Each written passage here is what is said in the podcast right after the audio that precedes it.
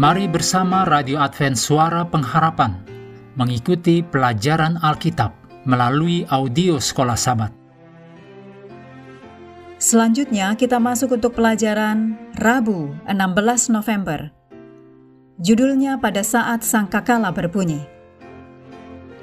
Mari kita mulai dengan doa singkat yang didasarkan dari Titus 3 ayat 7. Supaya kita sebagai orang yang dibenarkan oleh kasih karunia-Nya berhak menerima hidup yang kekal sesuai dengan pengharapan kita. Amin.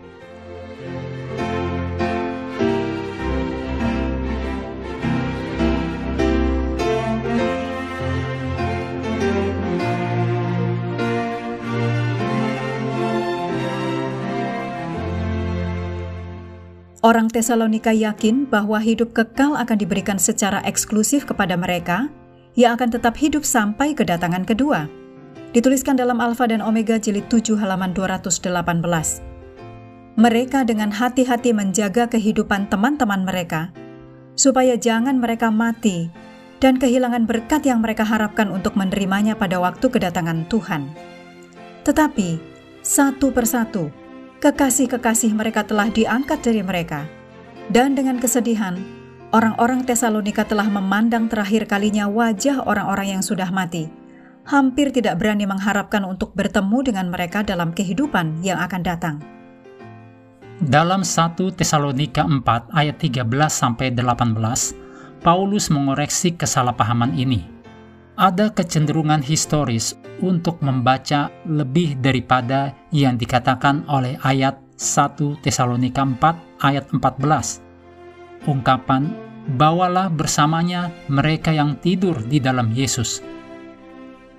Banyak yang menerima teori kekekalan jiwa secara alami, menyatakan bahwa Kristus pada kedatangannya yang kedua kali akan membawa bersamanya dari surga jiwa-jiwa orang benar yang telah mati dan sudah berada di surga bersama Allah. Jiwa-jiwa itu dengan demikian dapat dipersatukan kembali masing-masing dengan tubuh yang sudah dibangkitkan. Tetapi penafsiran seperti itu tidak selaras dengan keseluruhan ajaran Paulus tentang hal ini. Seorang teolog bukan Advent menuliskan pandangan ini tentang arti sebenarnya dari ayat 1 Tesalonika 4 ayat 14 sebagai berikut. Alasan mengapa orang Kristen Tesalonika dapat memiliki pengharapan ketika mereka berduka atas anggota gereja mereka yang meninggal adalah bahwa Tuhan akan membawa mereka, yaitu Tuhan akan membangkitkan orang-orang percaya yang telah meninggal ini dan menghadirkan mereka pada saat kedatangan Kristus kembali, sehingga mereka akan bersama dengan Kristus. Implikasinya adalah bahwa orang-orang percaya yang telah meninggal tidaklah merugi pada waktu kembalinya Kristus, tetapi akan bersama dengan Kristus sedemikian rupa sehingga mereka setara dalam kemuliaan dengan orang-orang percaya yang hidup. Demikian dituliskan oleh Jeffrey A. D.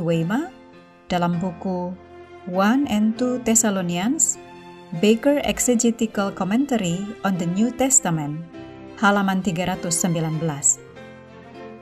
Jika jiwa orang benar yang telah mati sudah bersama Tuhan di surga, Paulus tidak perlu menyebut kebangkitan terakhir sebagai pengharapan Kristen. Dia bisa saja menyebutkan bahwa orang benar sudah bersama Tuhan. Tetapi sebaliknya, Paulus mengatakan bahwa mereka yang tidur di dalam Yesus, yang ditulis dalam 1 Tesalonika 4 ayat 14, akan dibangkitkan dari kematian pada akhir zaman Pengharapan dalam kebangkitan terakhir membawa penghiburan bagi orang-orang Tesalonika yang berduka. Pengharapan yang sama dapat membantu kita menghadapi dengan yakin saat-saat menyakitkan ketika cengkraman dingin kematian merenggut orang yang kita cintai. Mengakhiri pelajaran hari ini, mari kembali kepada ayat hafalan kita 1 Yohanes 5 ayat 11 sampai 12. Dan inilah kesaksian itu. Allah telah mengaruniakan hidup yang kekal kepada kita, dan hidup itu ada di dalam anaknya. Barang siapa memiliki anak, ia memiliki hidup. Barang siapa tidak memiliki anak, ia tidak memiliki hidup.